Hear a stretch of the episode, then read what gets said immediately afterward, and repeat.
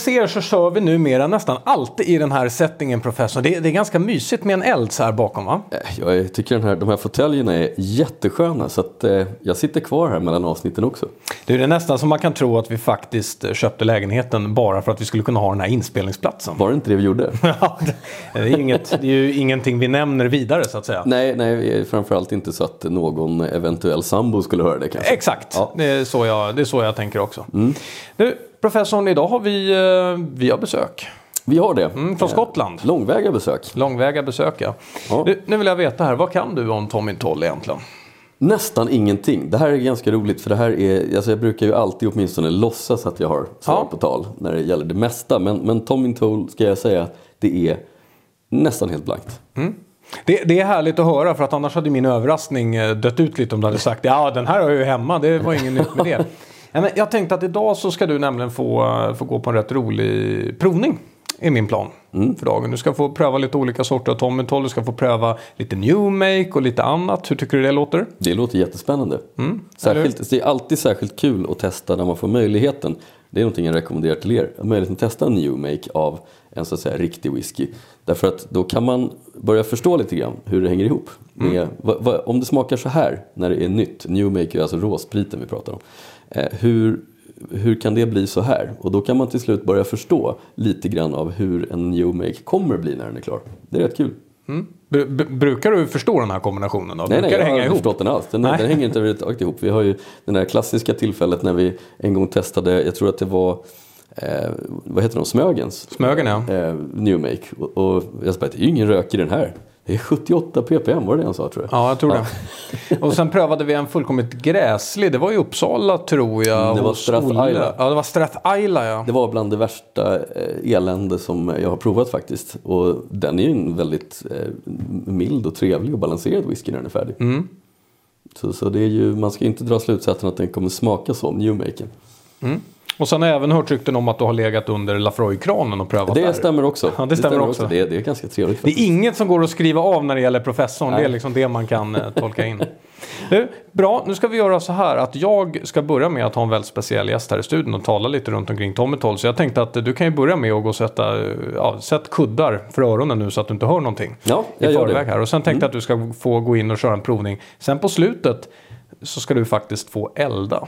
Ska jag få elda? Du ska få elda. Ja, det låter roligt. Bra, det och mycket mer. Nu kör vi. So, welcome back to the Whiskey Podcast. As you can see, I do not have the professor with me right now. Instead, I have Lorne McKillop. Hello, good evening. And welcome to Sweden. Thank you indeed. Yeah. Thank you. So, do you like the setting over here with the fireplace Very and nice. everything? Yes, very, very homely. Very homely indeed. Very Thank you. homely. Yes. So, I thought that we were going to speak a bit about the background of Tomintoul and then speak a, little bit about the, the peat, uh, the peat Okay. tag that are coming now to Sweden as Sure, well. absolutely. Yeah. So, as if I understood it right, you were founded in the 1960s. Yes, the distillery was finally built in 1965. So it was started in 1964, but it was finished in 1965. And why did you start in 96? Was it to do single malt or was it something else? It was really to uh, use the sources of water that were locally there. There There's three good springs, and you need good water to make good whiskey. And so the original founders of the distillery um, decided to build that distillery there after a great deal of research. And uh, my company, Angus Dundee, bought the distillery in the year 2000, in August 2000. And when was the first time that you released single malt? Because in the original it was going to be uh, material for blended, right? Well, uh, Tom and has always produced blending whiskey, and the previous ownership really didn't sell Tomintoul as a single malt very much. It was sold uh, occasionally by a few independent bottlers, but really not so much as Tom and at, as Tomintoul by Tom and But when we acquired the distillery in, in August 2000, uh, we decided yes, it was a really nice whiskey and it should be sold as its own brand, as its own brand name. And so uh, within um, a few months, uh, we were obviously selling it um, as Tomintoul. The, one of the previous importers in the United States did buy a tiny amount of Tomintoul, but it was really so small it wasn't on the radar screen at all. Yeah. And from what I understand, uh, Tomintoul, the, the village, is a very special place. It's high up, isn't it? Yes, the, the village is quite a long way from the distillery, but um, the distillery is purportedly, and I have to use the word purportedly, Okay. um, the highest altitude distillery in the Highlands of Scotland. Now, of course, whereabouts in the distillery do you take uh, the point of altitude, and, and one or two distilleries are, uh, say, within half a meter or a meter or two within uh, comparable heights. So therefore, it's very difficult to, um, unless you have space age technology, to say who is exactly the highest. But um, we are purportedly the highest in, the- in the Highlands of Scotland. yes. but it's under discussion, so to say. Well, it's like how, which is the, you know a mountain? Is it uh, three thousand meters and one? Is it or three thousand meters and two? I mean, how do you measure, it exactly? Yeah. So it's, um, well, we have the same discussion in Sweden, I think, about two mountains. It's been going on for ages. We don't know. exactly, exactly. And now you're here for a very special occasion because you're going to release something fantastic new to the Swedish market. Yes, well, we, we've produced something called the Peaty Tang for quite Yeah. a while, and but this is the first release of it on, on the Swedish market on the first of March. So we're very excited about this. It's um, a main listing, which is nice. So it'll be in full distribution in the monopoly, and we think it's going to be a very great success because I think the Pete's sorry the Pete, Swedes love peaty whiskey. Yeah. Uh, but this is slightly different. So this has a, a bit of a sort of quirk to it, which uh, we'll discuss obviously in this uh, interview. Yeah, but I thought that we would jump into that actually because to begin with, the peat. I mean, Swedish people are normally used to Islay peat. Uh, Yes. This is not Islay peat. It's a different mix, isn't Abs- it? Absolutely. I- Islay Peat is obviously the benchmark upon which everyone is compared, but Isle of Peat is based on uh, marine and seaweed and, and uh, marine, marine plants, if you like. Yeah. And therefore, the iodine contents and the phenolic compounds produced by the peat, peat when it's burnt are different from the, the phenolic compounds produced in um, peat. Speyside peat is more moss um, based, and therefore the phenolic compounds are actually su- subtly different from the ones produced in Islay. And therefore, the, the I would say that the, the Islay peat is more aggressive and more sharp, whereas the Speyside peat is more gentle and more um, elegant, is the way, probably way of putting it. Right. And also, uh, you're speaking about something called the Gentle Dram. Well, that's the logo for the whole uh, uh, Tomintoul Yeah. range. It's a very gentle, easy drinking whiskey. Um, the stills are very big. Uh, if you go to the Tomintoul, you can see these enormous uh, four stills that are absolutely enormous. And um, it's a rough rule that the bigger the still, the lighter the whiskey. And so uh, it's not an exact rule, but it's a rough rule. And uh, so the whiskey made at Tomintoul is quite light and, and elegant in, in style and flavour. But when I'm doing blending or tasting, I always think of flavour in, in three dimensions. And uh, the Tomintoul spirit and the Tomental whiskey has um, perhaps not great depth, perhaps not great height, but a great length in the palate, and um, which makes it a great blending whiskey because it stays in the palate for a very long time Yeah. even though it's quite light. You get other whiskies that are very big and robust, but they're big and they're tall and fat, but they stay in the palate very short time. So they're in and out of your palate, like an express train. Um, I won't mention any names, but I'm sure you, you know who I'm talking about. Um, so uh, the flavour in three dimensions is, is very different. And um, obviously, making a peaty malt with this gentle whiskey is, is again very different. Yeah. But going back to the to the peat again, I mean, uh, you're saying it's not Islay peat, it's not Speyside it's peat. peat local to to it's uh, Tomintoul. It's it's the it's as the crow flies, as we'd say in English. It's about two or three miles away. So um, Yeah. and um, we use that obviously because it's a local ingredient, and we specify to our maltster you know, what sort of um, how how peaty we want it to be. Yeah. Um, we've experimented over the year. We only, we only started producing it. I think in 2003 was the first year we started producing it. Okay. Um, and um, we, we really originally produced it really for blending purposes. Yeah. Because to buy in Islay malts to make PT blends is, is A, expensive, and B, of course, not necessarily reliable for getting hold of stock. So if you're making a PT blend, you may or may not get all the stock on a, on a continu- continuous basis. So um, we decided to make our own PT malt. And uh, as I say, originally purely for blending purposes. It was Yeah. never intended to go into the Tomintoul uh, range. And we produced it for two weeks in June and then had to shut down the distillery and clean everything out because all the pipe works were all contaminated. Yeah, so I read. whiskey. And then uh, and go on holiday in June, of course. And then two weeks in December and then shut down for Christmas and again clean everything out. So we originally only produced it for two weeks in June and two weeks in December. I think we've now gone up to three weeks in June and December, so it's a little bit more production. And I think it's going to be a very popular whiskey, so we have to go up again to even more weeks of the year to make a, a peaty mold. Yeah, that's really cool.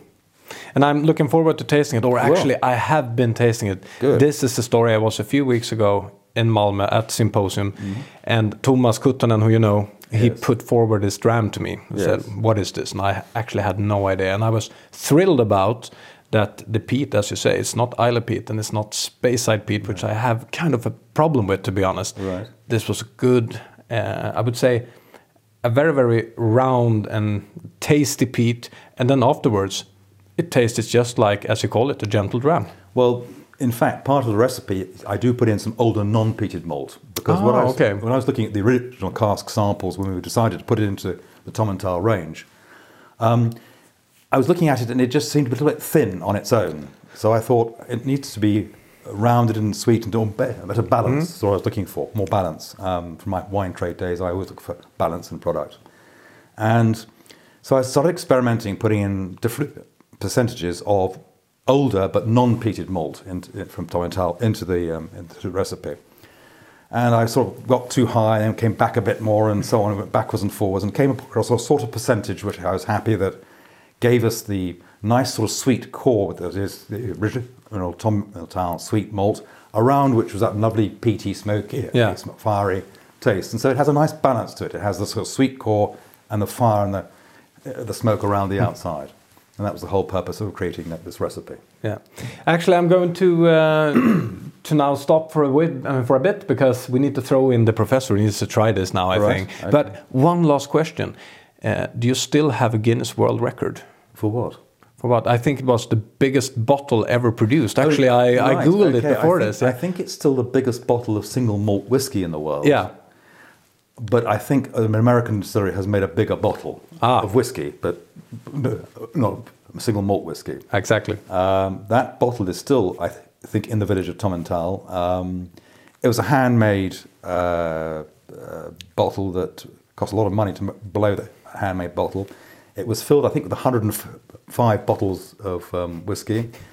And I do recall the story. The, the um, uh, our production manager had to hammer the cork in. It was very, very difficult. To, Yeah, I to- can guess Very frightened of breaking the whole thing. And uh, um, but it, it still exists, and um, it, it, it's on display in Tomintoul village itself. Yes. Yes, really cool. Well, so now it's time for you and the, the, the professor to have uh, a bit of a tasting, and I'm looking forward to see what he thinks about the combination of the peat and the sweetness. Superb. Yes. Well, see you in a bit. See you. Okay, so I'm uh, back now Great. to uh, to. Uh, I guess we should uh, try some Well, whiskey. Professor, good, good evening, and, and uh, Yeah. we should have a look at the, excuse me, the, the new spirit from Tomintoul. Here you have uh, an example of the non-peated spirit and a, an example of the peated spirit. So you will see the two side by side. I'll start with the non-peated first, and um, And this looks uh, very pale. So this, I guess this is new make. it's new make and it hasn't had seen any wood, so of course it's come straight out of the still. Yeah. and it looks um, exactly like water. It's fabulous Yeah. for cleaning your suit if you don't mind smelling like a distillery, um, but you can't really drink it at this sort of stage. But um, uh, we will take a sniff though, and um, even though it's high strength, I think this is about 68 uh, 68% alcohol. Yeah, and, and this is a non-peated now. The we're doing, non-peated. And you Oh. can't smell alcohol. It's extraordinary how Yeah. it's very high in alcohol, but it's not rough. It's not um, pungent. It's not astringent. It's not. Uh, um, in fact, I think it almost smells fruity, almost like Yeah. It does. You, you can feel uh, it's it's very it, it's lots of esters in this. Yeah, and it's it's a really almost um, you want to drink it because it smells oh, so sweet almost. Yeah, yeah, it is. It's very sweet actually. It, it's it, it's got uh, a, a signature that I, I can uh, get from almost all new make, and it's like the the fruit is almost gone bad. It's it's on its way to it- going bad. It's, it's- very sweet. it's- It's, almost overly sweet. It's gone toff overripe. uh, Yeah, overripe, toff- yeah, toffee-ish yeah. almost, oh, almost. But um, it is rather nice. This it is actually. smell. It's not it's not bad at all. We'll then move on to the uh, peated new, new make spirit, and again you see the same um, clear colour. Yeah, But- I mean it looks the same. You could never tell the difference No, no, by just one looking sniff at and the you, you will make. be transported completely away from what the fruit is. oh, can- whoa! You can still smell the fruit in the background. Of course, the fruit is still there, but in the front of the uh, nose, you're getting a nice smoky, almost like someone struck a match near your face. Very much like it actually, and it's like I can feel the forest burn here yes, in this exact, one. exactly Yeah. right. And um, but there's no marine in here. There's no salt, nothing, no iodine, nothing, no seaweed. No, no, no- nothing uh, marine or, or uh, salty or, or things like that. It's it's completely. It's very very actually. I, there there is a a nose here that I can't. I can't. It's, it's almost fruit berries behind the smoke. It's Yeah, if, it is. As if you're bar- trying to barbecue um, some lingonberries or something.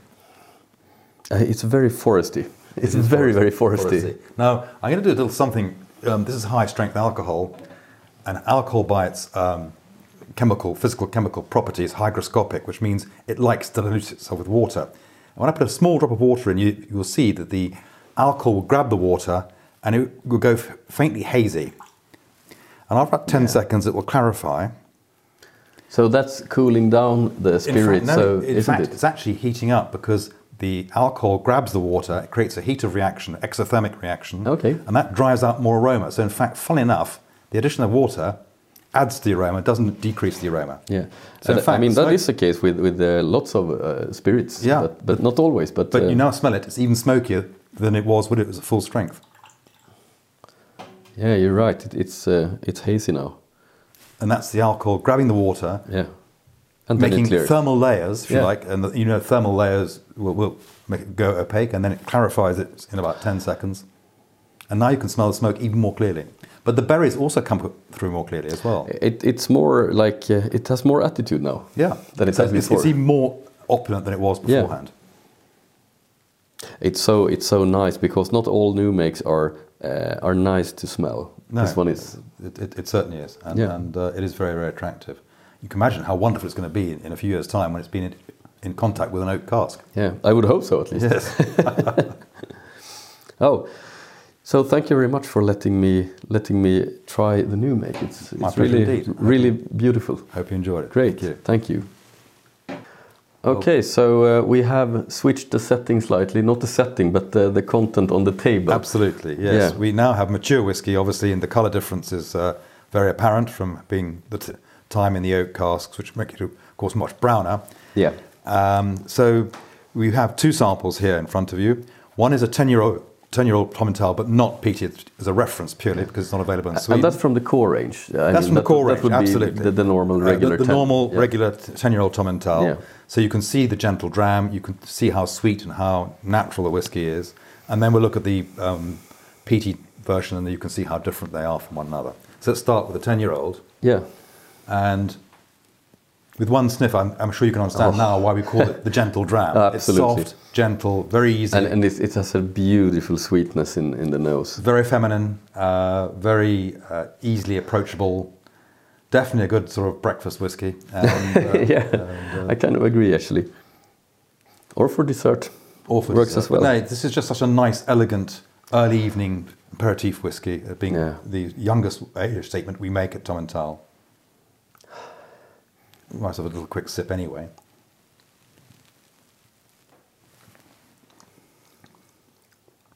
Well, that is not painful at all, is it? It's very No. e- easy to slide down.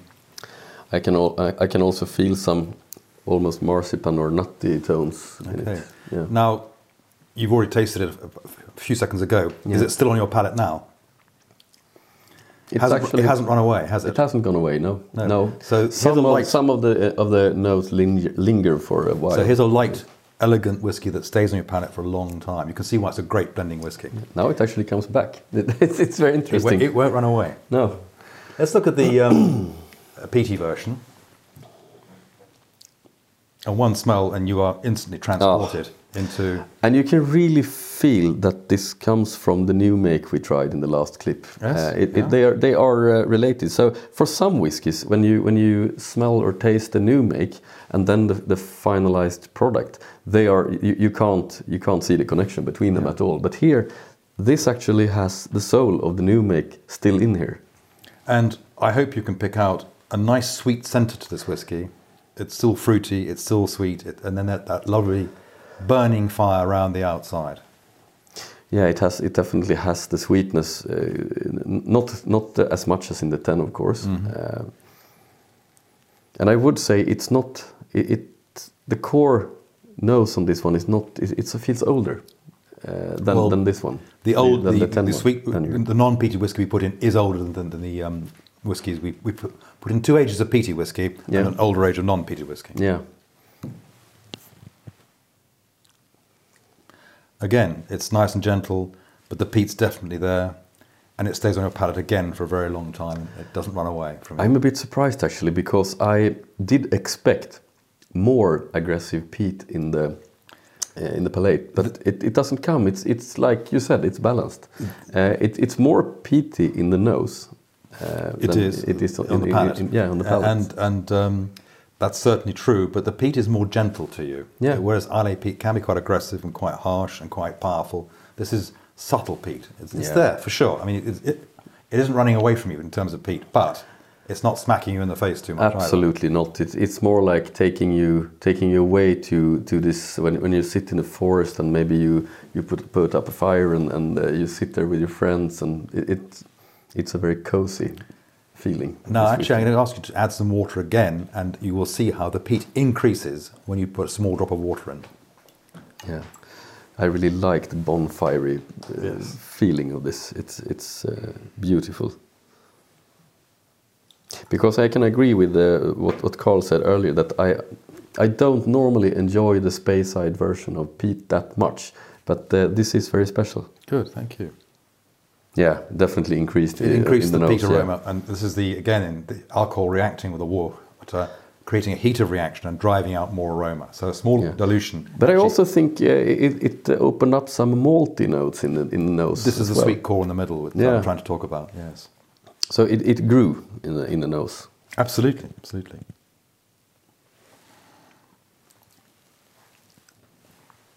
Oh yeah, Now you can see why two or three percent of this in a blend would actually uh, change and amend a blend quite a lot. it will. And so this is why it's originally produced for blending purposes. But we liked it so much we put it into the main range. But it's the only one in green glass. So the whole rest of the core range are in clear glass. Yeah. But because this is the only one that's peated, it's the only one in green glass. And I think people do- do tend to associate peaty whiskies with, with green glass bottles. Yeah, it, it's a, it's a beautiful whiskey. I'm I'm very happy that we could try it.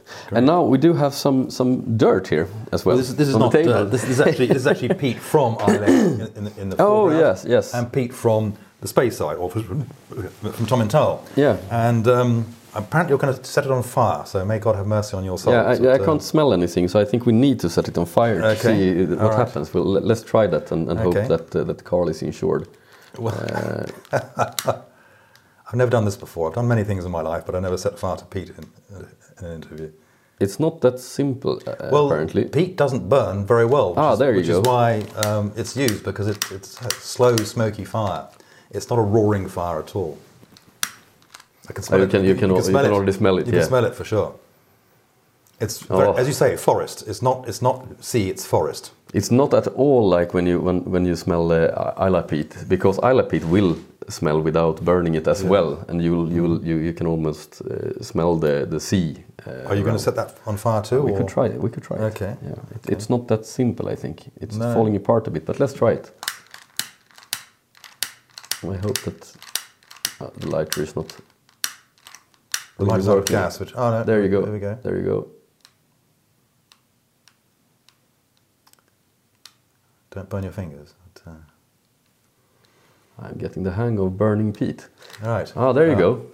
Now that peat, that smoke is much more aggressive. Oh yes, definitely. It's much more pungent, much more bitey.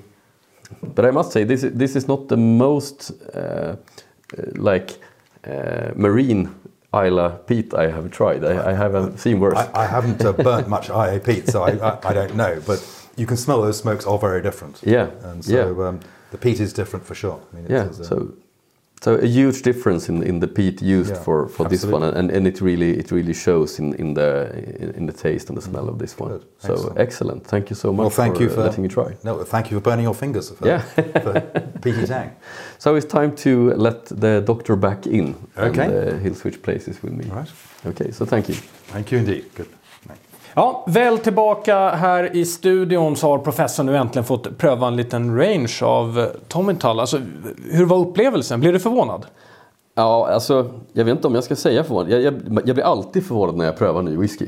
Som jag Okej, inte har okej. provat förut. Så, Är det liksom bara ett sinne du har? Så här, ja, men liksom, men, det, men det, den här, här blir man ju eh, kanske positivt överraskad. Mm. Det här var ju ändå en, eh, en whisky som förväntningarna kanske inte är skyhöga på en tioårig eh, whisky från Skottland generellt. Det, det, kan vara bra, det kan vara mindre bra men, men det är liksom inte någonting man kanske förväntar sig att det är det bästa man har druckit. Eh, det var det kanske inte heller men den är jättebra, eh, tioåring. Eh, och den är verkligen precis som, som vi fick beskrivet här att den är eh, otro, den här tian var ju otroligt eh, söt och insmickrande och trevlig på alla sätt och vis. Eh, medan den här andra, den, den, eh, den rökiga, den är kanske lite mer Eh, min stil när det gäller att ha mer attityd. Men den går aldrig över och blir elak. Nej, härligt. För det är ju den här som kommer då till Sverige. Den eh, första mars nämligen. Skulle du vilja beskriva lite vad du tyckte om, eh, om röken i den här? För att du var inne på samma moment som jag hade. Att det här var inte standard Nej, inlandsrök. det här är inte den det är vanliga. inte gummiröken. Nej, nej alltså. absolut Nej, inte. Och det, nej. det, och det kanske är det viktigaste av allt som skiljer här. Det finns vissa andra destillerier som också lyckas få till en rök som är mer åt det här skogiga hållet och mindre åt eh, gummidäck Mm. eh, och elände. Men, men, eh, men den här är verkligen in, inte en nyans av elakheter i röken. Jag tror det är det som, är, är, eh, som skiljer den åt, som gör den lite unik. Att, eh, man tänker direkt som jag sa på lägereldar, på att vara i skogen när man var liten kanske. Mera sådana saker än en ond bråd död och kärad rep. Ja, det, det, var ju härligt att höra. Även, Ja, men jag menar som Ayla- när du dricker whisky. Ja, som Ayla whisky. Ja, ja, ja, det låter bra det. Du, vad, vad, vad kostar en sån här då i Sverige? Ja, det har ju inte jag en aning om. Det hade jag hoppats att du skulle Nej, men om du får gissa ett pris då?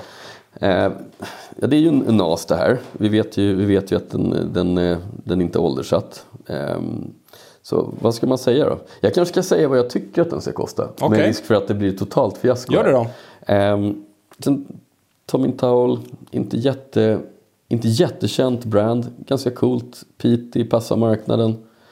Nej, men jag tycker nog att en sån här skulle väl åtminstone... Alltså, det är 500 plus på den tycker jag. All right. Ja, det är jättebra att du säger det, därför att den här kommer nämligen 1 mars och eh, du kan få ett pangpris för den. Artikel nummer 327, den här kommer kosta 299 kronor. Vad säger du för någonting? 299 Det kronor. är helt korrekt. Ja, då, då måste jag nog säga att eh, då är det faktiskt en av de mest prisvärda whiskyna på Systembolaget. Det, det, det står jag för. Eh, den, nej, den är inte superspektakulär. Men för 299 så är den faktiskt helt sanslös. Professorn, kommer du köa när den då kommer ut? Måste jag köa? Ja, kanske inte, men eh, du vet efter att ha varit med i Whiskypodden, då vet man aldrig. Nej, det är klart. Jag höll ju på att missa vår egen whisky när vi släppte den. Så. Precis, det är det jag menar. Men eh, jag, jag kommer köpa en sån där. Ja, Ehm, kul. Och, och det är faktiskt, det säger inte jag i varje avsnitt. Eh, så I did not get paid to Nej. say this. Och jag ber om ursäkt här om jag hade fört lite bakom, eh, bakom ljuset och så vidare. Men det var just för att jag ville inte att du skulle på förhand veta att eh, det skulle vara rök från inlandet i Skottland. För jag tror nämligen att du hade kommit in med en annan förväntan då. Eh, jag ville Mm. överraska dig. Så det var därför upplägget blev som det blev idag. Största överraskningen på den här, det är priset. För att någonting jag, jag känner nu för tiden är att det oftare och oftare kommer nya, lite mindre kända brands och det man försöker göra är att man försöker släppa någon, någon kul nas med någon twist som man totalt överprisar och försöker trycka ut på bolaget. Det här är inte alls en sån. Vad kul. Mm. Vad kul. Du, vad ska vi göra nästa gång i Whiskypodden då? Det har vi ingen aning om. Nej, jag har, har ingen aning. Vi kanske fortfarande sitter med Tommy Toll. Ja, vi, vi får se.